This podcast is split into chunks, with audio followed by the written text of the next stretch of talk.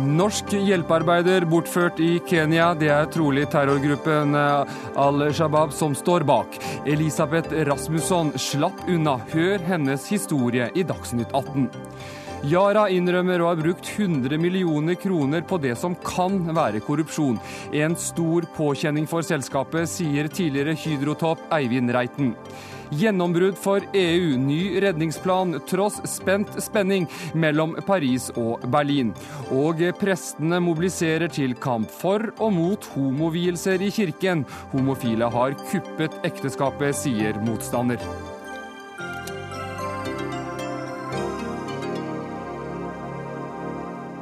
Velkommen til Dagsnytt 18. Jeg heter Erik Aasheim, og den neste timen skal vi også snakke om betydningen av sosiale medier for artister som Rihanna, som nå gjør seg klar til å innta scenen i Oslo. Men først til nyheten om at en, en nordmann, en ansatt i Flyktninghjelpen, er blant de eh, fire bortførte i, i, Kenya som alle jobber for Flyktninghjelpen, etter at en kolonne fra den norske organisasjonen ble angrepet av en væpnet gruppe i grenseområdene til eh, Somalia. En person skal ha blitt drept i, i angrepet. Og eh, aller først til deg, generalsekretær i Flyktninghjelpen, Elisabeth Rasmusson. Du var med. Hva skjedde? Eh, vi var inne i eh, leiren, i den delen av leiren som heter IFO2. Som regnes som en sikker eh, del, en trygg del av denne flyktningleiren. Vi hadde akkurat sett noen av Flyktninghjelpens prosjekter og var på vei fra vår campan ut til en slags hovedvei som tar oss til andre deler av leiren. For denne store Gadab-leiren den er faktisk fire forskjellige. Der ble det litt dårlig linje eh, til Kenya. Kan du høre oss enda nå, Rasmusson? Jeg hører deg veldig godt. Du hører meg. Vi prøver. Du var, du, du var midt i, i, i, historien din at dere kjørte gjennom flyktningleiren. altså Dere, dere skulle bevege til et annet område. og Hva, hva, hva skjedde der? Uh, vi ble angrepet av uh, væpnede menn som uh, skjøt mot oss, og som stoppet uh, bilene. Vi var i en konvoi med tre biler. Den bilen jeg var i, klarte å komme seg unna. De to andre bilene ble tatt. Og det vi vet nå, er at fire av våre internasjonale kollegaer er, er borte. vi vet ikke hvor de er. Nå er all vår fokus på å lokalisere hvor de er. Det er det eneste vi eh, fokuserer på her i Nairobi nå. Og vi har mobilisert myndighetene i eh, Kenya på alle nivåer. De hjelper til. Vi har mobilisert FN. Eh, og det er det vi arbeider med. Våre tanker, mine tanker og mine eh, veldig, veldig varme hilsener går til familiene til kollegaene mine. Eh, vi eh, arbeider nå, vi kan ikke arbeide så lenge det skal til for å lokalisere våre kollegaer. Når forsto du alvoret i situasjonen? Det forsto jeg med en gang. Mm -hmm. Fordi eh, når eh, væpnede personer skyter mot den bilen du sitter i, da skjønner du veldig fort at det er alvor. Var du klar over, altså hvor, hvor, mye hadde dere forberedt dere på forhånd at, at, at, dette kunne skje? For det er jo et, et, et, farlig område? Dette er et farlig område. Eller, altså det er et risikabelt område. Flyktninghjelpen har jobbet her i mange år. Eh, vi har veldig gode sikkerhetsrutiner. Vi hadde forberedt oss på sikkerhetshendelser. Eh, men eh, som sagt så skjedde dette angrepet inni en del av leiren som regnes som, eh, som trygg og sikker. Og vi hadde jo kollegaer fra FN som var akkurat på samme sted i går og sjekket prosjektet vårt. Vi hadde andre internasjonale kollegaer som var der i dag morges før vi kom dit. Mm. Så dette, dette var eh, veldig uventet at det skulle skje der det skjedde. Du, du, du, sa at bilen du satt i, den klarte altså å, å, å, å kjøre unna. Eh, observerte du likevel noe om hva som, hva som skjedde med den som ble, som, som ble, bortført? Ble de tatt inn i en bil, eller hva, hva skjedde?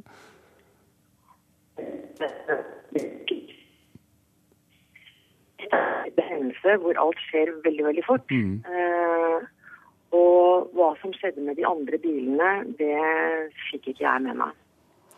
Hva slags eh, konsekvenser får dette for, for jobben som dere skal gjøre i området nå, Elisabeth Rasmusson? I Dadaab er det 500 000 somaliske flyktninger som eh, er helt avhengig av å få humanitær assistanse. Eh, så de har, må være hjelpearbeidere, men gir dem assistanse. Når det gjelder Flyktninghjelpens operasjoner, så har ikke vi tatt noen beslutning enda på akkurat hvilke konsekvenser denne hendelsen skal få. Det jeg må gjøre nå, er å sette meg ned med mine ansatte, konsultere med dem. Eh, og så kommer vi til å ta en beslutning i forhold til eh, hva vi gjør med vår operasjon. Men når det gjelder akkurat det vi har tatt en beslutning om i dag, så handler det om at våre internasjonale kollegaer, som fremdeles er i Dadaab, uh, de er i campaen, og de beveger seg ikke før de får beskjed om det fra oss. Vi hører at det kenyanske politiet mistenker geriljabevegelsen eller terrororganisasjonen Al Shabaab for å stå bak dette angrepet. Hva tenker du om det, Elisabeth Rasmusson? Det, det, det må du snakke med kenyanske politiet om. Jeg har uh, ingen tanker og ingen kommentarer om det. Takk til deg, generalsekretær i eh, Flyktninghjelpen, Elisabeth eh, Rasmussen, med oss eh, på telefon fra Kenya, og Afrikakorrespondent her i NRK, Lars Sigurd Sunnanå. Hva mer vet du om det som skjedde, ikke minst hva det kenyanske politiet sier? Ja, Det kenyanske politiet retter jo pekefingeren mot den islamistiske bevegelsen Al Shabaab inne i Somalia. Om det egentlig holder stikk, eh, er ikke jeg helt sikker på. Eh, man har fortsatt kidnappinger i områder hvor det er løsepenger som er målet. Så sent som i oktober i fjor ble to spanske bistandsarbeidere fra Leger uten grenser eh, tatt som gisler inne i en av leirene i Dadaab og ført over til Somalia, hvor de fortsatt er gisler. Så, så her er det nok for tidlig bombastisk å fastslå at dette er Al Shabaabs verk. Men det kan godt være at kidnapperne håper å si, samarbeider med Al Shabaab, og at de får beskyttelse etter at de da åpenbart har kjørt først i eh, Flyktninghjelpens bil et stykke. Nå har den da vært utstyrt med GPS, sånn at man kunne følge den et stykke på veien. og Så mm. har man da hoppet over i en ny bil og fortsatt da mot grensen, som jo bare ligger 80 km fra, fra flyktningleirkomplekset. Og du har et inntrykk av at det kenyanske politiet virkelig prioriterer denne saken i dag? Det, og, det er klart at det står jo eh, troppstyrke fra Kenya inne i Somalia, i grenseområdet hvor da eh, kidnapperne har eh, måttet kjøre gjennom.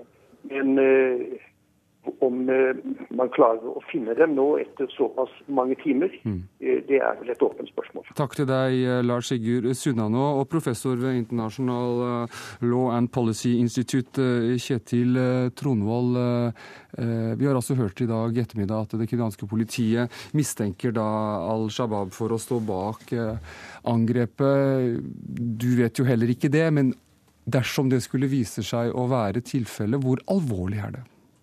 Ja, Det er nok det verste scenario, hvis det er tilfellet. Eh, for da er det nok i aller høyeste grad eh, politisk motivert fra Al Shabaab. Og da blir det vanskeligere eventuelt å forhandle frem en frigivelse. Men hva kan motivet være dersom det er denne gruppen som står bak? Al Shabaab har gjentatte ganger uttalt at bistandsarbeidere, eh, fredsbevarende styrker, vestlige aktører i området er legitime mål fra deres side. Det er fiender av den saken de kjemper for, og dermed kan tas ut. I de siste månedene så har Al Shabaab blitt satt under et veldig sterkt militært press med Etiopias intervensjon i nord, med kenyansk intervensjon i, i sørvest og fredsbevarende styrkens handlinger i Mogadishu. Mm. Så det kan være en desperasjon ut fra det militære presset dem er under, i så fall. Og Som vi hørte Sunna nå si her, så er det jo to spanske hjelpearbeidere som ble tatt av denne gruppen i oktober eh, i fjor. Og de sitter jo fortsatt da i, i, i fangenskap. Hva skal til for at Al Shabaab setter dem fri? Altså, Hva er det de krever? Nei, Det vet vi også veldig lite om. Eh, akkurat den saken med de to spanske hjelpearbeiderne er informasjonen veldig eh, tett på. Og vi vet heller ikke om de er i live, faktisk, ifølge visse kilder. Så det, og det, kan, det, er ikke nødvendigvis at dette er noe sentral ordre fra ledelsen i Al Shabaab, hvis det er dem som står bak. Det kan være en lokal eh, kommandant, en lokal uh, troppsfører, som har tatt eget initiativ. Og det kan være en klan som er assosiert til Al Shabaab, bare, ikke nødvendigvis under mm. deres uh, direkte struktur heller. Så det, det, er stor grad av usikkerhet hvordan dette da kan forvaltes videre. Men en hjelpearbeider har høy verdi for dem? Det har de. Eh, det har en særdeles høy verdi, og særlig de vestlige hjelpearbeiderne, selvfølgelig. Mm. Men dersom Altså, det, det kan også være andre, andre, grupper. Altså, det kan også være snakk om grupper som rett og slett bare vil tjene penger. ikke sant? Man skal ikke utelukke det? Absolutt ikke. Det kan være lokale lokale nordkenyanske grupperinger. og det er Derfor det kenyanske politiet veldig fort retter fingeren mot den andre siden av grensene for å slippe å ta skyld selv. Det kan være en del av en etnisk eh, lavskalakonflikt i området. Det kan være lokale misfornøydheter med kenyansk administrasjon, og de ser det opportunt å få dette. Eller det kan være ren banditteri som vil tjene penger kjapt på det. Mm. Hvor, hva skal, Pinlig er kanskje ikke ordet, men hvor, hvor, hvor vanskelig er det det for kenyanske myndigheter at, at eh, utenlandske hjelpearbeidere blir tatt? Ja, Det er særdeles vanskelig. Kenya har hatt flere hjelpearbeidere som er kidnappet, men også turister på kysten, Mombasa-kysten, Lamu, har blitt tatt og drept i løpet av det siste halve året. Og det setter Kenya under veldig sterkt press. Sentralmyndighetene ønsker nok å rydde opp i det, og det var jo hovedmotivasjonen til at Kenya interverte militært i oktober i fjor i Somalia. Takk til deg, Kjetil Tronvold, som jobber ved International Law and Policy Institute her i Oslo. Hør Dagsnytt 18 når du vil, på nettradio eller som podkast. nrk.no – dagsnytt 18.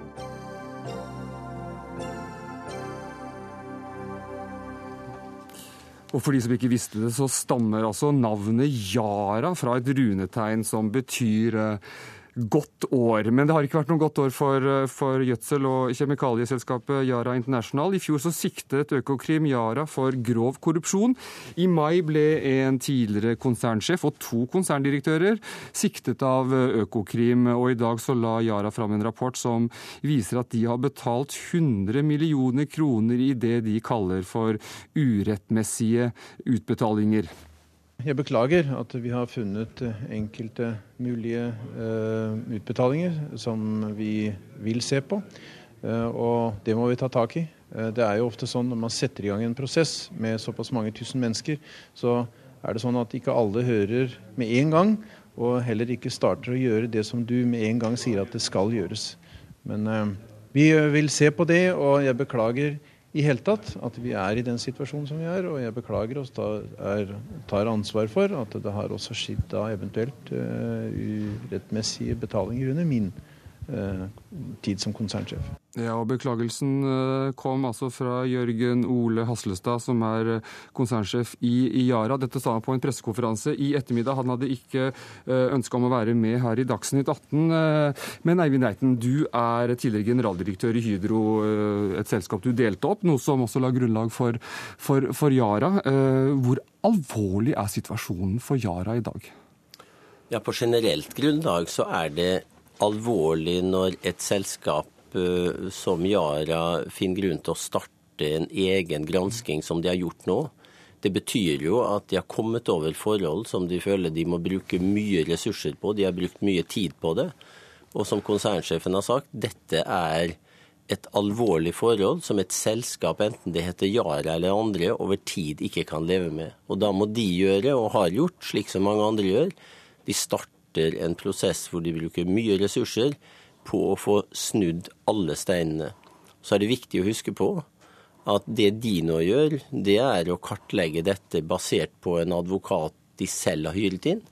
Og så er det Økokrim som avgjør om det som de nå kaller akseptabelt, også er straffbare forhold. Men å lede et selskap som er under gransking, og hvor Økokrim også arbeider med det, det er også en ganske krevende øvelse. Men når man bruker ordet her urettmessige uh, utbetalinger på godt norsk, det er vel korrupsjon, er det ikke det? Nei, det er et godt stykke derfra til korrupsjon. Eh, hva som er brudd på straffeloven, altså hva som er korrupsjon i lovens forstand, det er politiet og påtalemyndighetene som får forholde seg til. Eh, så, og Jeg skal ikke gå inn i dette, for jeg kan ikke noe om Yara spesielt i dette, i dette tilfellet. Men jeg har jo erfaring fra å arbeide i selskap som er under gransking, vet hvilke krav det stiller til lederskapet i selskapet. Husk at selskapene skal utvikles, arbeide videre med alt det de ellers med, driver med, samtidig som dette pågår. Og Det er en veldig fin balanse. På den ene siden skal ledelsen signaliserer at dette skal vi komme til bunns i. På den annen side så mener jeg det er et stor forpliktelse for ledelsen i disse selskapene å stille opp for alle sine ansatte, inntil noen har funnet at det virkelig er gjort noe ulovlig. Og jeg må si det, noe, av det, noe av det mest utfordrende i disse sakene, det er at forhold du selv da bringer opp som uakseptable, blir ofte i media fremstilt som ulovligheter når skal den ene gå, og når skal den andre gå? Ja, du var jo styreleder i, i, i fire dager i, i, Statoil Hydro, som også var under, under etterforsking. Eh, eh, ser du klare sammenligninger her? Ikke noe, ikke noe annet enn at når man starter disse granskingene, så er det veldige påkjenninger for selskapet. Jeg trakk meg jo ut som styreleder i Statoil Hydro fordi jeg ikke ville sitte som styreleder mens granskingen pågikk. Fordi jeg hadde jo hatt et ansvar for Hydros portefølje tidligere, så det var for å være 100% ryddig i forhold til habilitet. Men jeg bare gjentar, det er en stor utfordring. Det er alvorlig. Men derfra til nå å felle dom både over enkeltpersoner og selskapet, det skal vi vente med til Økokrim har gjort jobben. Terje Erikstad, du er leder av finansavdelingen i Dagens Næringsliv. og Denne interne rapporten, som, eller interne granskingen til Yara som de la fram i dag, og den ordbruken som de, som de har valgt å bruke, er det det nærmeste vi, vi kommer eh, til en, en innrømmelse av at det har foregått korrupsjon? Det mest interessante er jo at denne interne granskningen bekrefter eh, ting som allerede er kommet fram. At det har foregått utbetalinger. Eh, delvis påstander om utbetalinger. Men det nye er jo at eh, omfanget er enda større enn eh, selskapet selv tidligere har eh, opplyst om. Mm -hmm. Og at det har pågått helt fram til 2010. Eh, uakseptable eh, utbetalinger, som selskapet sier. Og det betyr at også dagens leder, Haslestad, har vært leder i en periode hvor dette har skjedd. At selskapet ikke trekker noen konklusjon, eller at selskapets juridiske rådgiver ikke trekker noen konklusjon, det er naturlig. Det er jo riktig som Reiten som sier at det er opp til påtalemyndigheten. Men eh, det er jo ikke noe tvil om at påtalemyndigheten mener, eller Økokrim mener, at dette er en ekstremt alvorlig sak. Når både selskapet og tre eh, topper, eh, en eks-konsernsjef og to eks-konserndirektører, er siktet for grov korrupsjon. Mm. Så omfanget av uakseptable utbetalinger er så stort og har pågått over så mange år at dette er svært alvorlig for Yara. Uansett hva det ender opp med til slutt. Og det er helt riktig, ingen er dømt, og ingen eh, skal dømmes før en domstol har sagt sitt. Men som Eivind Reiten sa her, så i sånne saker så kommer jo fort, det kommer fort opp et krav om at, at topp, toppene må, må, gå. og Det får vi også diskutere her i Dagsnytt 18. Bør Jørgen Ole Haslestad bør han frykte for sin fremtid nå? Ja, absolutt. Altså, Det Reiten sier, hvordan han tenkte at han ikke ville være en belastning for eh, da nyfusjonerte Statoil Hydro, når det viste seg at eh, det dukket opp en sak i, si, i gamle Hydro. Det var jo en veldig ryddig måte å opptre på. Det som har kommet fram i dag, viser jo at Haslestad har vært leder mens det har foregått store utbetalinger. Mm. Og tidligere har det jo kommet fram at Haslestad ble gjort oppmerksom på kritikkverdige forhold da han hadde blitt konsernsjef, uten å ta det videre. Sånn at dette, dette handler jo ikke om Haslestad har medvirket til noe straffbart eller ikke. Dette handler om hvilken tillit man kan ha til han som konsernsjef. Mm. Tina Søreide, du er seniorforsker og korrupsjonsekspert ved Christian Michelsens institutt i Bergen. Hva vinner Yara på ved å granske seg selv på denne måten? Um, det er litt vanskelig å si akkurat hva som er motivasjonen til Yara her. men men uh, det vi ser fra, noen selskaper som går inn i en sånn granskning, er at de kanskje samarbeider med etterforskere, uh, f.eks. i USA. Og, da, uh, og, det som Eivind Reiten sier, at det kan være en veldig stor påkjenning for selskapene, for de blir bedt om å, om å gi, å gi informasjon, all informasjon, og de må snu alle steiner, som Eivind Reiten sier. og de må samarbeide med en advokat som ofte er oppnevnt av, av etterforskerne. Det forsto jeg ikke var tilfellet her. Eh, og da med den hensikt at de kanskje kan få en lavere straff enn de ellers ville fått. Eh, så Derfor så tar de den belastningen eh, for å komme bedre ut av hele saken, gjerne. Men er det egentlig mulig for, for, for selskapet å, å, gå inn i, inn i, korrupte land som, som, som Libya f.eks., uten, uten selv å måtte legge penger på bordet? Ja, altså Selv i land der det er mye korrupsjon, så er det jo folk som er ærlige. Så det kommer jo an på hvilken sammenheng det er. Men eh, for noen bedrifter så kan det kanskje fortone seg nærmest umulig. F.eks. hvis de må forholde seg til noen som har monopol på kontraktstildelingene, samtidig som, de, de, altså, krever bestikkelser og samtidig har, har bånd til politisk elite. Da kan, da kan, situasjonen virke ganske låst. Og så har du da andre bedrifter som har et eller annet teknologisk fortrinn som gir de en særlig forhandlingsmakt. De kan gjerne klare seg helt fint uten å møte noen krav om bestikkelser. Sånn at to, to norske bedrifter som går inn i ett og samme land, kan ha veldig ulike erfaringer med akkurat det. Ja, Eivind Reiten, eh, altså det, det å drive business i, i f.eks. Libya og andre, andre, land med mye, mye, korrupsjon, uten da å, å komme med uh, urettmessige utbetalinger, det er ikke så enkelt? Det, det, det, er, ikke, er ikke, det er ikke rett fram, men det det krever, det er stor årvåkenhet. Et soleklart regelverk og det man ofte glemmer, på toppen av det, er en grundig opplæring av de ansatte som du sender ut i frontlinjen. Mm. Jeg kan bare si at å sitte på hovedkontoret hjemme i Norge og felle dom over de frontsoldatene du har ute som hver dag skal slåss med korrupte myndigheter når de skal få importert reservedeler eller skaffe seg en, et visum eller hva det er, det er jo ikke eh, alltid like, like behagelig. Så Men er det vært, mulig? Ja, det er absolutt mulig. Jeg har jo ledet et Hydro i mange år, som har operert i disse landene, og greid dette uten å bli tatt for noe korrupsjon. Men det betyr at du av og til må la være å gjøre ting som er fristende å gjøre. Og det betyr at de du har ute i frontlinjen, som jeg sier, må være opplært så de forstår forskjellen på hva som er en annen kultur og en annen måte å gjøre ting på, og hva som faktisk er ulovlige handlinger.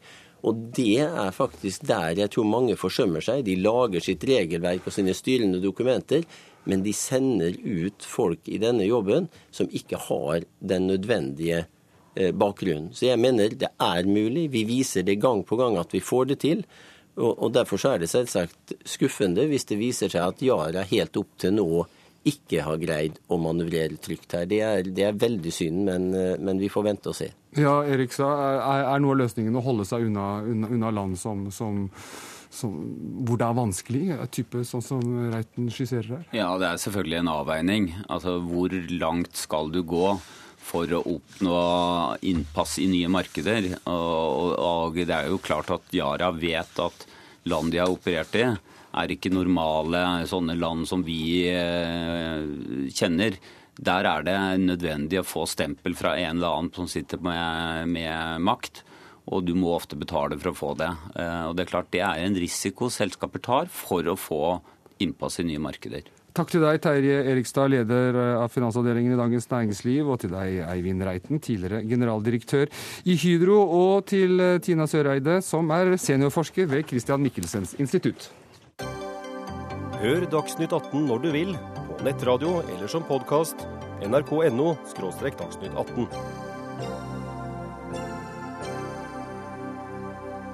Og nå forlater vi snart NRK2 pga.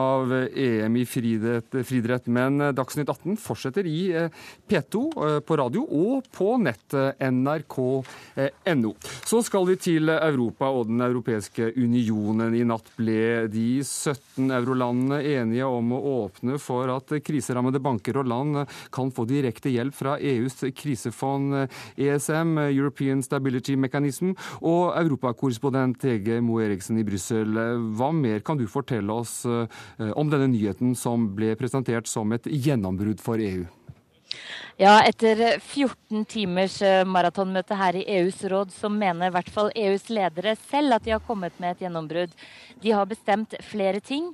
De har bestemt at EUs redningsfond skal kunne låne penger direkte til skakkjørte europeiske banker, og ikke via stater slik det har vært til nå. Dette har ført til bl.a. at stater gjør seg til gjeldsslaver i sin iver etter å redde bankene. Det blir det nå forhåpentligvis en slutt på.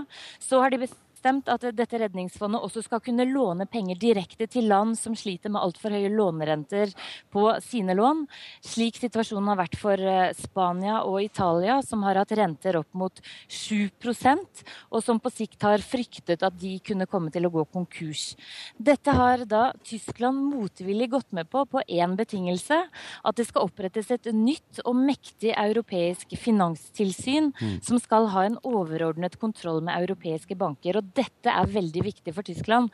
For eh, Tyskland nekter å trå til med mer penger før det blir mer disiplin og mer kontroll i eurosonen. Hvordan har reaksjonene vært på dette eh, rundt omkring i EU i dag? Ja, Dette har jo ført til jubel på børsene over hele Europa, men de fleste analytikerne som jeg snakker med her i Brussel, mener at eh, denne gleden blir kortvarig. Hvorfor det? For det for det første så er det svært få av betingelsene i avtalen som er på plass. EUs nye redningsfond, som altså skal brukes til å låne disse pengene, er ennå ikke ferdig vedtatt av eh, mange av landene.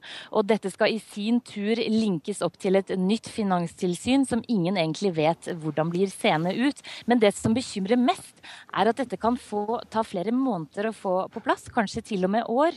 Det er tid som EU kanskje ikke har, og mange frykter altså at panikken igjen vil ta finansmarkedene etter at den første lettelsen eh, er, har lagt seg. Og så er det også et problem med størrelsen på dette redningen forretningsfondet som alle snakker om. For til tross for at det har en kapital på rundt 500 milliarder euro, så er det for småtteri å regne når man ser på den samlede gjelden til Spania og Italia, som er på noe sånn som 2,5 trillioner euro. Det er mange nuller. Mange, det er veldig mange nuller. Og mange frykter altså at det rett og slett ikke er nok penger i potten for å stabilisere finansmarkedene og skape den roen som er nødvendig i eurosonen. Takk til deg, Hege Mo Eriksen, og professor i samfunnsøkonomi, Halvor Melum fra Universitetet i Oslo. Eh, kan dette bli en kortvarig glede? Ja, rentene har jo sunket for den spanske statsgjelden. Og det tyder på at de som kjøper spansk gjeld, er villige til å sitte på den uten å få forferdelig godt betalt. Dvs. Si at de er litt mindre redd for at Spania ikke skal kunne gjøre for seg. Den renta har ikke sunket veldig mye, og den er nede nå på det nivået den var rundt sankthans. Så det er eh, små, eh, en liten nedgang, gitt eh, hvor ille det har vært og hvor ille utviklingen har vært. Men det er tross alt et snev av optimisme, men det er fare for at det blir visket bort i løpet av kort tid. Og det er, dette de ble enige om, er jo bare nærmest rablet ned på et, to sider. Og det er åpenbart at det å sette på plass et stort Eh, system for å regulere finansnæringen i hele euroområdet krever enormt med arbeid, og det er mange mange skjær i sjøen når det skal gjøres. Men at Merkel nå har fått gjennomslag for dette, så, så, så er det likevel eh, noe som vil være viktig for eh, eurolandenes framtid? Ja, det vil være viktig, og det burde de ha tenkt på for 20 år siden. for å si det sånn, og Det med at eh, finansnæringen har fått lov til å leve sitt eget liv og regulert på forskjellige måter Europa rundt, har jo vært en del av opptakten og en del av det som nå har skapt problemene. Så at de får et eh, skikkelig system for håndteringen av eh, finans, regulering av finansnæring som er ensartet mellom eurolandene, er en god ting. Men det er veldig mange som vil motsette seg det. og Veldig, flere land er jo involvert med egen industri i finansnæringen og vil synes det er kinkig å, å måtte underlegge seg en felles europeisk regulering. Vi skal holde oss til samme tema, men vi skal løfte blikket noe. For, for, i dette store europeiske puslespillet så er det ett land som da står frem som redningsherre med sjekkheft i hånda, nemlig Tyskland. Men i, i, i siste nummer av det innflytelsesrike britiske tidsskriftet The Statesman så, så, så, så blir eh, Angela Merkel framstilt som uh, uh, den farligste tysker siden Hitler. Økonom i Manifest Senter for samfunnsanalyse, Ali Esbati, det er vel å trekke dere litt langt? Ja, det er det. det. det. kan jeg si. Men derimot så er det jo helt riktig at den eh, krisen som pågår nå, er den eh, største finansielle og, og økonomiske krisen siden den 30-tallskrisen som kanskje var eh, en av grunnene til demokratins sammanbrott i, i, i, Europa. Og det er helt klart at den, eh, den linje som ikke bare Angela Merkel og Tyskland men også andre krefter i EU har, har drevet gentemot de eh, landene i periferin, till exempel Hellas, Spania, Irland, den er eh, kontraproduktiv om syftet, altså formålet hadde vært å, å få de økonomiene på, på benen igjen. Det vi har sett i Hellas f.eks. fem år av, av negativ tilvekst, altså krympende ekonomi og dermed også at gjelden vokser snarere enn minsker som andel av BNP. Og det er enorme, enorme sosiale og økonomiske kostnader, fattigdom, sønderslagen helsevesen osv. så vidare. Och så vidare. sett å få, eh, få Europa att, att fungera eh, igen eh, och inte heller de, de länderna. Så det är en katastrofpolitik som, som, som har förts och som jag inte ser några stora avsteg från i och med dagens, dagens beslut. Men det som händer nu det är att man tar ett större steg gentemot en, en politisk union som fortfarande saknar demokratisk legitimitet. Leder av Stortingets utenrikskomité fra, fra Høyre, Ina Eriksen Søreide. Eh, den tyske strategien med å stille såpass strenge krav til eh, innsparinger, eh, kan det gjøre situasjonen rett og slett verre? For det første er det jo viktig å understreke at den krisa som mange euroland nå opplever, eh, starta jo også til og med før finanskrisa. Vi ser jo bl.a. Hellas som et eksempel, som altså har levd over evne, og som i stor grad har måttet lånefinansiere velferdspenger, fordi at de bl.a. ikke klarer å kreve inn skatt, som jo er ganske vesentlig, eh, en ganske vesentlig faktor dersom man skal klare å ha et velferdssamfunn gående.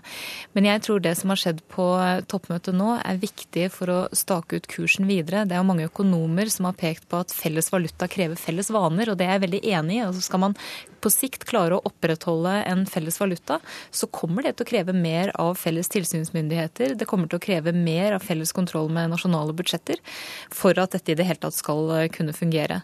Og da er det som er viktig nå, er å få en budsjettdisiplin, eh, sånn at man får ned gjelda, mm. og på den måten kan komme inn i et mer konstruktivt spor. Merkel eh, har jo hele tiden fokusert på, på, på innstramminger, innsparinger, mens Frankrikes nye president Francois Hollande fokuserer jo på vekst. Hvor plasserer du deg?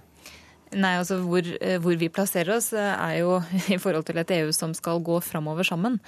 Eh, og det som har vært viktig både for Tyskland og Frankrike og alle landene nå, har jo vært å få til en, både en vekstpakke, men samtidig en pakke som gir muligheten til å låne penger, muligheten til å håndtere krise og muligheten til å også få til en større budsjettdisiplin. For det er jo spenning mellom Francois Hollande og, og Angela Merkel, som, som jo by på noen utfordringer i forhold til, til veien framover, eh, ikke sant? Ja, visst, mån, men dette, her, det her eh, som kommer nå eh, herfra, er jo, er jo mest politisk storytelling. Det har jo veldig lite å gjøre med den virkelighet som, som, som EUs økonomier har, har lidet under. Altså, på hvilket område? På, på nesten alle områder. Altså, beskrivningen, av, beskrivningen av Hellas er jo, er jo, beskrivningen av Hellas er jo, selvklart så at de har hatt høy gjeldsnivå, men det har ikke skapt den europeiske krisen. Spania, til eksempel, som nå er i veldig stor kris. De hadde til og med budsjettoverskudd for denne eh, krisen. Det som har hendt nå, det er at til og med de inbitna EU-politikerne erkjenner jo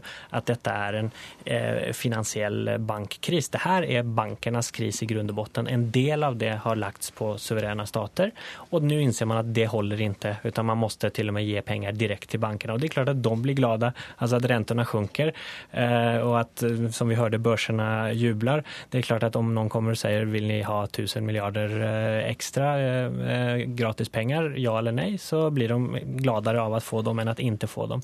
Men fortfarande så er situasjonen eh, djupt allvarlig, derfor at det man gjør nå, det er at man eh, skjuter gjelden videre, og kravet er at europeiske folk i framtiden skal betale med mer av sitt arbeid. Men hva skulle EU gjort annerledes, da? Altså, ja, hva slags redningsplan, eh, redningsplan, ville du uh, heller det, hørt om i dag tidlig? Ja, Det krever en helt annen type av økonomisk politikk, som, uh, som ikke bare så at säga, sosialiserer forlustene og privatiserer vinstene, utan som tar og overskriver en del av, en del av skuldene på gemensam vis, men ikke legger børden på det sett som man har gjort på vanlige folk i Spania, i Hellas, i, på Irland, i Portugal, og som kommer å komme i, også i, i, i flere land. Og så må Tyskland også bytte sin, eh, sin økonomiske politikk. Det er en stor grunn til de her ubalansene i euroområdet er jo at Tyskland har hatt et enormt handelsoverskudd som man har kunnet ha takk vare eurosamarbeidet, og tyske lønner har holdt nede.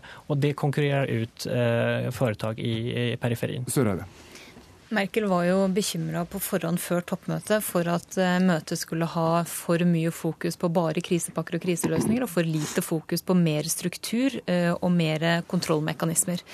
Og man kan jo oppsummere politisk med at eh, Merkel flere ganger i opptakten til dette toppmøtet har snakket om 'more Europe', altså mer Europa. Og Det er jo det som blir resultatet politisk av dette, nemlig at det blir en tettere integrasjon. Eh, det blir mer felles kontroll, eh, og det er helt nødvendig skal en økonomisk og monetær union fungere. Det som, det som er en utfordring, og har vært en utfordring egentlig hele veien, har jo vært at den gangen euroen ble etablert, så var man veldig opptatt av at det skulle være en politisk eh, løsning en politisk union. Mm. Og derfor så var man jo litt for slepphendt med å la en del av landene som ikke oppfylte kravene, slippe igjennom. Og en del av landene løy jo også om sin gjeldsgrad, deriblant Hellas. Og det gjorde jo at ting har blitt vanskelig i ettertid. Professor Halvor Melum, helt kort til slutt her. Hva er Angela Merkels uh, europadrøm, siden vi har vært innom dette? Ja, jeg tror at eh, det er enkelt å forstå Tysklands handlemåte. At deres drøm er rett og slett å klare å få et Europa som fungerer, uten at eh, Tyskland må betale altfor mye. Jeg tror Tyskland er oppriktig redd for at dette her, eh, og det å kaste penger sydover, er å kaste penger i et stort, svart hull som er umulig å fylle. Sånn at det å få til en eller annen løsning hvor de slipper billigst mulig unna, er deres eneste ambisjon. Og da blir det å stille krav til budsjettdisiplin, det blir å stille krav til regulering osv.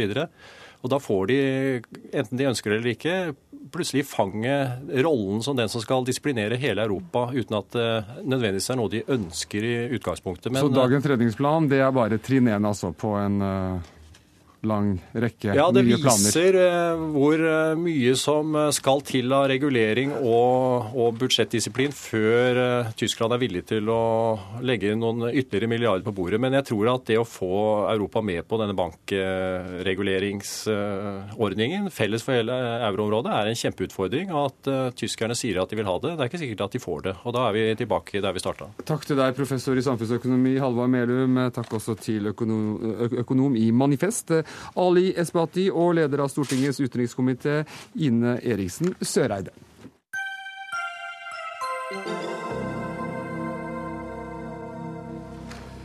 Aksjonistene i Hardanger gir seg ikke, til tross for at byggingen av mastene er i god gang. Hittil i år har det vært omtrent 20 aksjoner, men nå har Statnett fått nok. De, de vurderer å kreve erstatning fra aksjonistene. Og kommunikasjonsdirektør i Statnett, Christian Marstrand Platsen, hvorfor eh, vurderer dere å kreve eh, erstatning fra dem?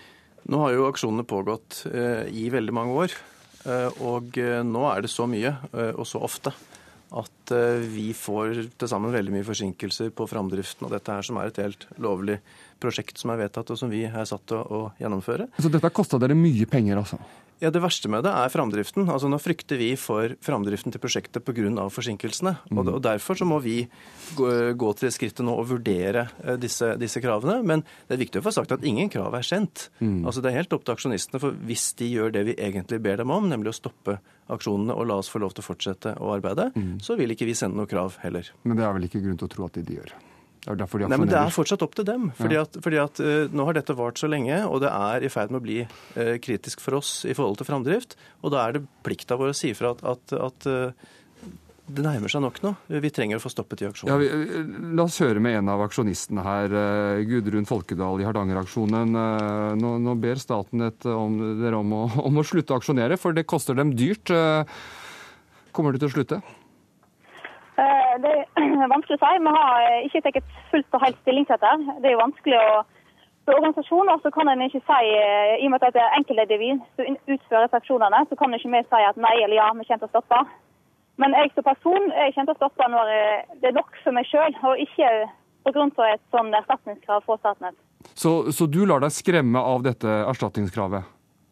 Nei, ikke direkte skremme, for jeg tror det er første gang at det er det er godt, så det ikke kommer til å utføre i praksis. Mye av at det vil være så store konsekvenser for dem, både politisk, juridisk og omdømme- omdømmemessig. Eh, Daglig leder i, i Småkraftforeninga, Henrik Glette. Du, du mener et erstatningskrav vil eh, ødelegge mer enn det vil hjelpe. Hvorfor det? Nei, altså, nå er jeg veldig bekymra. De neste åtte åra skal vi i småkraftbransjen vi skal investere 20 milliarder i nye anlegg. For å få det til, så skal Statnett og andre nettselskap bygge ut massivt. Det skal de neste åtte årene investeres et eller annet sted rundt 120 milliarder i nye nett i Norge. Det betyr at vi kommer til å se konflikter framover. Det er ikke til å uh, skyfle under teppet. Men det betyr at måten Statnett nå håndterer sånne ting, om de velger å eskalere konfliktene, eller om de velger å gå i dialog, det har veldig mye å si for at vi skal klare å nå fornybarmålene våre, og for å få til den verdiskapingen vi skal. For dialogvirkemidlet har, har dere vel prøvd, eh, ikke sant? Jo, altså Vi har jo hatt samtaler opp gjennom tiden. altså Alle i vår ledelse har jo snakka med forskjellige av aksjonistene, i hvert fall de fleste av dem. Og, og eh, så senest som for noen uker siden så, så ble de bedt inn til på, på, på anleggskontoret for en kopp kaffe, men det, det, hadde, det ville de ikke ha. Eh, Men, men kaffe har vi mer av, kaffe har vi nok av. Så vi går gjerne i, i en dialog. Men det har ikke men det er ikke nyttet fram til nå? Nei, og det er veldig viktig. altså Når vi skal snakke sammen, jeg snakker gjerne med dem når som helst og hvor som helst, men da må vi også snakke om det som for oss er veldig viktig nå. Hvordan kan vi få slutt på aksjonene? Jo, men Kristian, tror du virkelig at dere oppnår det gjennom trusler om søksmål? Altså, Veldig mye av Hardanger-protestene dreier seg om sentrum-periferi. Og når sentrum-periferi-konflikten møtes av advokater i dress og erstatningskrav, da blir ikke konflikten dempa. Vi ser, og vi hører, altså vi har virksomhet i norske bygder rundt hele landet, og det vi ser, det vi hører fra våre medlemmer, er et Statnett som turer fram, som bygger samfunnsrelasjon med bulldoser advokat. Vi ønsker et Statnett som går i møte, som går i dialog, og som er villig til å dempe konfliktene snarere enn å øke dem. Nei, og, og som sagt, alle gode eh, forslag til hva vi bør gjøre for å få en slutt på aksjonene, det hører jeg mer enn gjerne på. Så Henrik Lette, hvis du har gode forslag til hva vi faktisk bør gjøre her og nå For vi kan ikke sitte her, vi har ikke den luksusen at vi kan ønske oss et annet sted i en annen tid. For mastene de skal stå oss- der de skal stå. altså Det er ikke snakk om å endre plassering eh, på Nei. det. måte, Så den, den kampen er tapt. Du vet, Dette har jo vært en av de lengste prosessene man kan tenke seg som har vært på denne typen infrastrukturprosesser. Det har vært gjennomdemokratisk, det har vært utredninger. Alle steiner har vært snudd, og de har vært snudd flere ganger. Slik at vi er der nå at vi må gjennomføre dette her. Og vi må, må da hensyn til forsyningssikkerheten, så vi kan ikke tåle flere forsinkelser. Men selv om det er sånn, så vil vi selvfølgelig forsøke å finne løsninger som er best mulig for alle parter. Så hvis noen har gode forslag, kom med dem. Ja, har, du, har, har du noen konkrete gode forslag? Dessverre så er det sånn at de aller fleste av de tingene de burde ha gjort, det burde de ha gjort for lenge siden. De har vært altfor seint ute med dialogen, de har vært altfor aggressive i forhold til lokalbefolkning. Men, men det frarøves ikke det poenget som at vi skal bygge masse nye linjer. Og det å føre et konfliktnivå av denne typen, det vil bare medføre mer forsinkelser. Og Altså, Vi hører jo fra aksjonisten det er ingen grunn til å tro at aksjonene vil stoppe pga. krav om erstatning. Det er ingen grunn til å tro at eh, det, det er jussen som råder her. Og da er det noe med at Hvis vi da bruker et virkemiddel som garantert gir svakere omdømme, som garantert pusher noen moderate motstandere over i aksjonistenes rekker. Hvorfor da bruke det? Og når Kristian understreker at jo, men det er ikke sikkert vi skal kreve erstatning, det er ikke sikkert vi skal gå til advokater. Jo, men altså, Frivillige erstatningskrav det har vel sjelden virka. Eh, og, og, og, trusselen om, om, om, mer radikale tiltak vil bare skape større avstand. Det er det vi er bekymra for. Gudrun Folkedal i Hardanger-aksjonen, hva skal til for at dere nå, nå stopper eh, aksjonene deres? Hvis jeg innrømmer hva strømmen skal brukes til, så kan vi stoppe aksjonene. Det vil si at jeg innrømmer at eh, strømmen skal gå til krafttransport og til elektrifisering på tolv av plattformen i Nordsjøen. Det er jo en hel rekke, en hel rekke av grunnene for at vi må bygge den linja her, men det er å bli forsyningssikkerheten som er det viktigste. Og jo lengre tid som går, jo lengre tid som går, jo vanskeligere blir det. Men det er helt klart mange ting som ligger bak som, må, som vil bli bedre ved at denne linja bygges. Men, men jeg syns det er viktig å få frem, så sent som i dag i Bergens Tidende, sier også lederen for, for, for Hardanger-aksjonen at det er ingen i aksjonen som tror at vi klarer å hindre at utbyggingen skjer. Men de syns det er viktig å markere tydelig motstand. Og det må jeg med hånda på hjertet si, det har de klart. De har klart å vise sin motstand veldig tydelig. Målet deres er nådd, og de har gjort jobben sin. Ja, Så la er oss gjøre tapt, jobben vår. dette er vel en tapt kamp nå, Gudrun Folkedal? Nei, jeg tror aldri, aldri faktisk jeg kan kalle det en tapt kamp. Og vi må huske på at eh, det er nå faktisk at eh, by- byggingen starter de mest kontroversielle områdene. Det er Granvisfjorden, Olvik og Fuktesund. Og jeg mener faktisk at folk som bor i de områdene, som opplever dette her som den største sorg i livet deres, må få lov til å protestere mot det her. Vi trenger å få gjort jobben vår. Det er ikke vanskeligere enn det. Hvis vi får fred til å gjøre jobben vår, så holder vi andre være i fred Og det skjønner du vel også, Henrik Lette, daglig leder i Småkraftforeninga? Jo da, for all del. Men, men de får ikke fred gjennom trusler. Og jeg har en oppfordring til aksjonistene, om de kan være med på den nasjonale dugnaden for å få fornybarsamfunnet på plass. Så min oppfordring til Statnett er trekk pusten, tell til ti, og ikke øk konflikten. Vi slutter med disse oppfordringene fra Småkraftforeninga ved Henrik Lette. Takk også til deg, kommunikasjonsdirektør i Statnett Kristian Marstrand Plassen, og til, til aksjonist i Hardanger-aksjonen Gudrun Folkedal.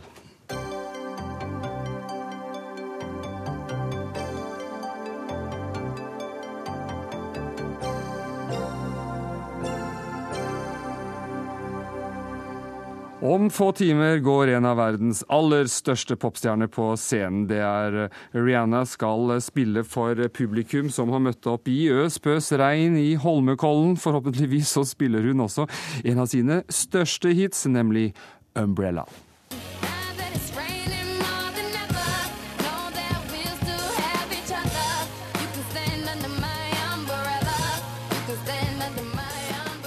Ja, Musikkprodusent i NRK P3, Marie Kommissær. Du er i Kollen og venter på at konserten skal starte. Men aller først, hvor stor er Rihanna? Rihanna er jo eh, verdens største popstjerne akkurat nå. I hvert fall eh, den kvinnelige. Det vil jeg absolutt påstå. Og så er hun jo twitterglad, da, denne, denne, denne stjernen. Hva har hun tvitret om før eh, Oslo-besøket? Nei, Det siste hun har eh, gitt litt fra seg på sosiale medier, er vel et bilde av seg selv klokka seks i morges eh, eh, om at hun nå må legge seg. Så hun har i hvert fall vært eh, sent til sengs i natt, det er helt sikkert.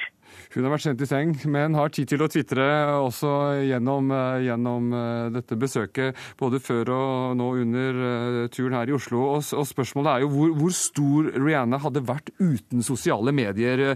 Hun er kjent for sin aktive bruk av, av, av Twitter, ikke minst. Blant annet så, så, så bruker hun Twitter til å kommunisere direkte med fansen. Og Astrid Valen Utvik, du er kommunikasjonsutvikler i sosiale medier. Hvor viktig er sosiale medier for, for merkevaren eh, Rihanna? Jeg tror eh, merkevaren Rihanna har eh, blitt stor påvirket av sosiale medier. Eh, hun har mulighet til å bygge sin egen merkevare på en helt annen måte enn eh, man klarer gjennom nødvendigvis andre kanaler. Eh, og man har mulighet til å la fansen få en nærhet til henne som person, i, som man ikke vil klare på en annen måte. Hvor stor hadde hun vært eh, uten?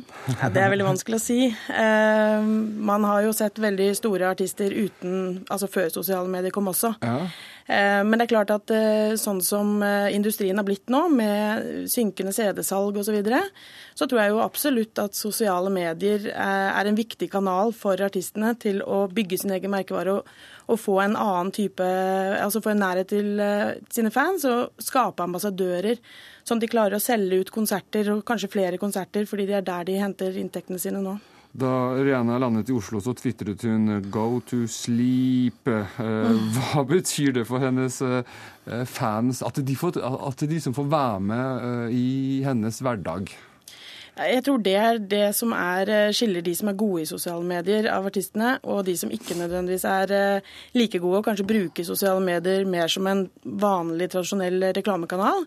Eh, fordi de kan gjerne tvitre nye plater, nye låter kommer, hvor konsertene skal være. Men det er akkurat disse små tingene, som at de deler de usminka bildene, at de viser frem hvem de er. Eh, disse små detaljene og viser at de er ekte mennesker, som gjør at fansen får et nært forhold til dem. De har legger ut festbilder av seg selv og bilder mm. at hun røyker en joint f.eks. Bruker hun også sosiale medier for, for å måtte skape et et, et, litt sånn rampete bilde av, av, av, seg selv? Ja, absolutt. Eh, det er klart at hun, Jeg tror ikke hun eh, gjør dette tilfeldig. Eh, hun er nok ganske bevisst i forhold til hva hun legger ut og ikke legger ut. Og det ser vi i hvert fall på de aller største artistene, at det, det er tydelig at de vet hva de gjør. Men hun kan skape seg det bildet hun vil.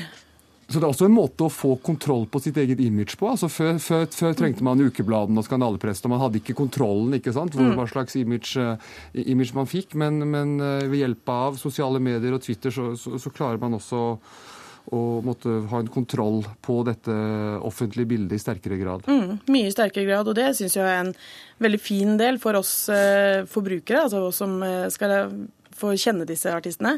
Eh, nå kan eh, sladrepressen si hva de vil, eh, men de kan raskt gå ut med en tweet som sier at dette ikke er sant. Og det er klart at det gjør jo at de får kanskje et riktigere bilde av hvem de er, da. For alle fansene som er der ute. At det er viktig for fansen.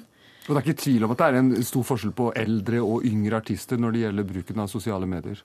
Nei, det, det vil jeg si. Altså det, hvis du ser på USA, så er det alle nye artister der er på sosiale medier. Men vi ser også eksempler her fra Norge, f.eks. Bjørn Eidsvåg er kjempeflink. Eh, og bruker det flittig. Så det er eh, mange som kan, eh, kan det. Men selger de flere plater av det? Det er jo spørsmålet. Jeg tror det. Du tror jeg det? tror absolutt det. Akkurat. Mm. Takk til deg, Astrid Valen Utvik, som er kommunikasjonsutvikler i sosiale medier.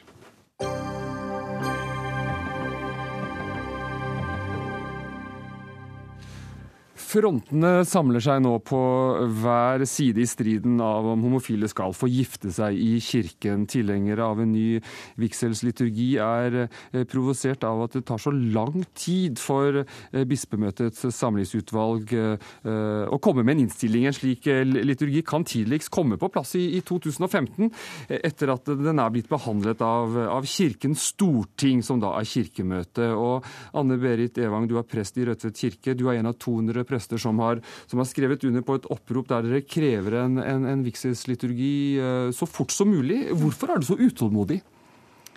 Fordi dette handler om menneskers liv og menneskers hverdag, og fordi jeg mener at det vi gjør i kirka, i bryllup, er viktig for folk. Det å få lov å komme til kirken med sine liv, eh, det at to mennesker har funnet hverandre, de ønsker å forplikte seg på hverandre eh, og gi sine løfter til hverandre. Eh, å få Guds velsignelse over det, det mener jeg er noe alle som ønsker det, skal få lov til. Øyvind Benestad i Mor, far, barn-stiftelsen. Eh, du hevder å ha like mange prester på din eh, underskriftsliste, rundt 200. Altså 1-1 foreløpig, altså. Hvorfor er kampen mot likekjønnet vigselsliturgi så, så, så viktig for deg? Jo, det er jo fordi hele denne debatten den dreier seg jo ikke først og fremst om homofile eller bifile eller andre grupper. Den dreier seg om spørsmålet hva er et ekteskap, og har barn en gudgitt rett til sin egen mor og far? Og Det som står på spill for Kirken, er jo hele teologien og forståelsen av ekteskap, familie, foreldreskap, barns rett til sine foreldre, surrogatmødre, kunstig befruktning, barnemarkedet. Altså, Det er et enormt felt. så Det er ikke bare liksom at to mennesker er glad i hverandre. Det er en stor, kompleks sak som vi trenger masse tid på å ja, men en, komme En, en vielse er jo tross alt to voksne mennesker som ønsker eh, Kirkens velsignelse over det de gjør. Det har vel ikke så mye med alt det andre du sa, kanskje? Jo, det har det absolutt. For ekteskapet det er en biolog teologisk forankret samlivsordning for mann og kvinne ifølge Kirkens lære og ifølge Bibelen. Og det er ingen sosial konstruksjon som liksom Stortinget eller andre kan forandre på som de vil. Og barn er en helt naturlig og vesentlig del av hele denne ekteskapsinstitusjonen. Ja, Hva tenker du om det, eh, Anne Berit Evang? Altså, det, er, det, er, jo en frykt for at det ene skal føre det andre, andre med seg her. Altså Benestad trekker opp mange viktige temaer som, som, vi godt kan debattere, men ikke i denne sammenhengen. Dette er ikke et homospørsmål. Eh, ekteskapet er eh, en verdslig ordning for mennesker. Eh, det er ganske uluttersk det Benestad nå sier.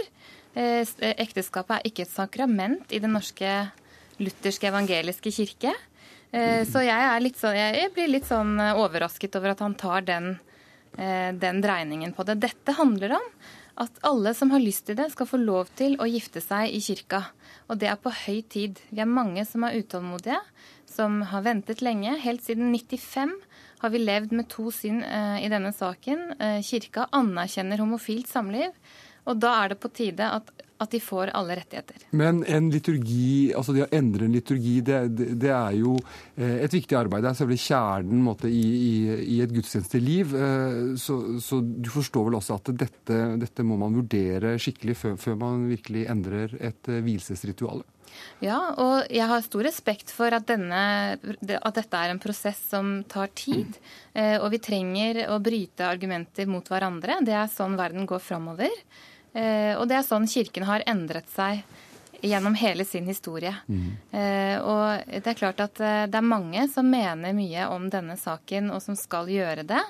Men vi er også mange som har jobbet mye med dette. Vi har mange forslag på bordet allerede. Eh, våre søsterkirker i Sverige og i Danmark har nå vedtatt dette, eh, og har gode eksempler som vi også kan, eh, kan bruke her hos oss. Så... Øyvind Benestad, hvorfor er det så vanskelig å leve med, med at det er to syn i Den norske kirke? Ja, så De to synene som hittil har levd sammen i 10-15 år her i i Den norske kirke, det er jo ut ifra partnerskapsloven, hvor det var to voksne og ikke barn med i bildet. For hele forskjellen på partnerskapsloven og ekteskapsloven var jo det at barn ikke hørte med nei, i partnerskapsloven. Men nå er jo situasjonen en helt annen.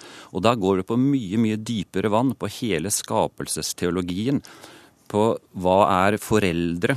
Hva er egentlig kjennetegnene på et ekteskap? Er det en skaperordning som ligger biologisk forankret? Ja, men, eh, men det, jeg, jeg, det, er bare helt grunnleggende. Du er, ikke, ja. du, du, er selv prest, eh, ja. og da, da, kan jo en del synes det er vanskelig å forstå at du, du ikke at, at, at, du vil nekte to voksne mennesker eh, å komme inn og, og måtte få, få kirkas velsignelse?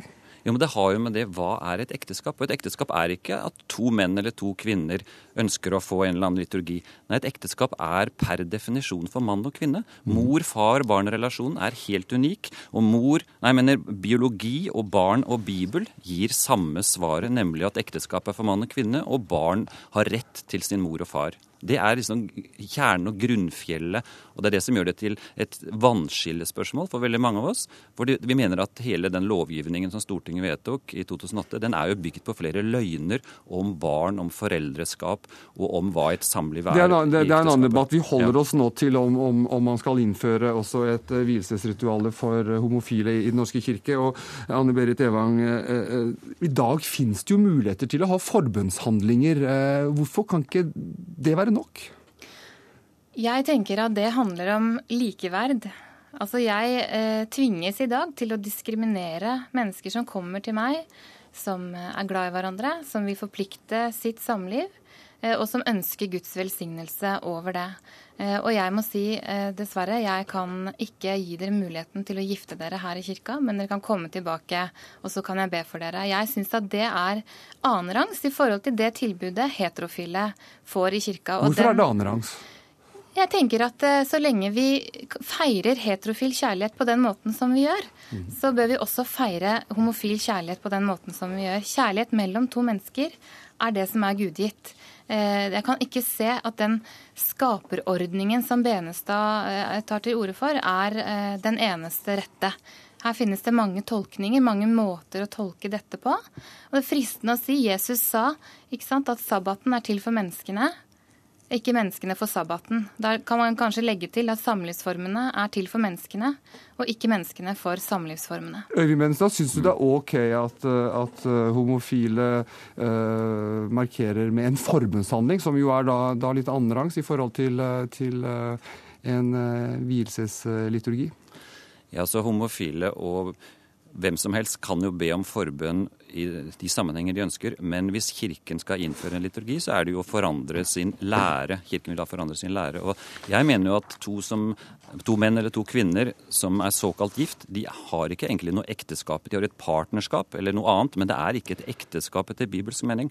Og derfor så blir det en, en, annen diskusjon om Kirken skal innføre dette, eller om private prester gjør dette med en hjemmesnekret liturgi. Og det du, kan ikke jeg hindre. Det kan ingen hindre, egentlig. Og du har nå sagt at dersom det blir vedtatt en vielsesliturgi i Den norske kirke, så melder du deg ut av kirken? Ja, det tror jeg tusenvis eh, vil gjøre, fordi dette er et så alvorlig spørsmål for hele grunnfjellet i kirkens tro på ekteskap, samliv, og ikke minst for barn, om de har rett på sin mor og far. Takk til eh, dere to her i denne runde Dagsnytt 18. Ansvarlig for sendingen var Dag Dørim, teknisk ansvarlig Frode Thorshaug, og jeg heter Erik Aasheim.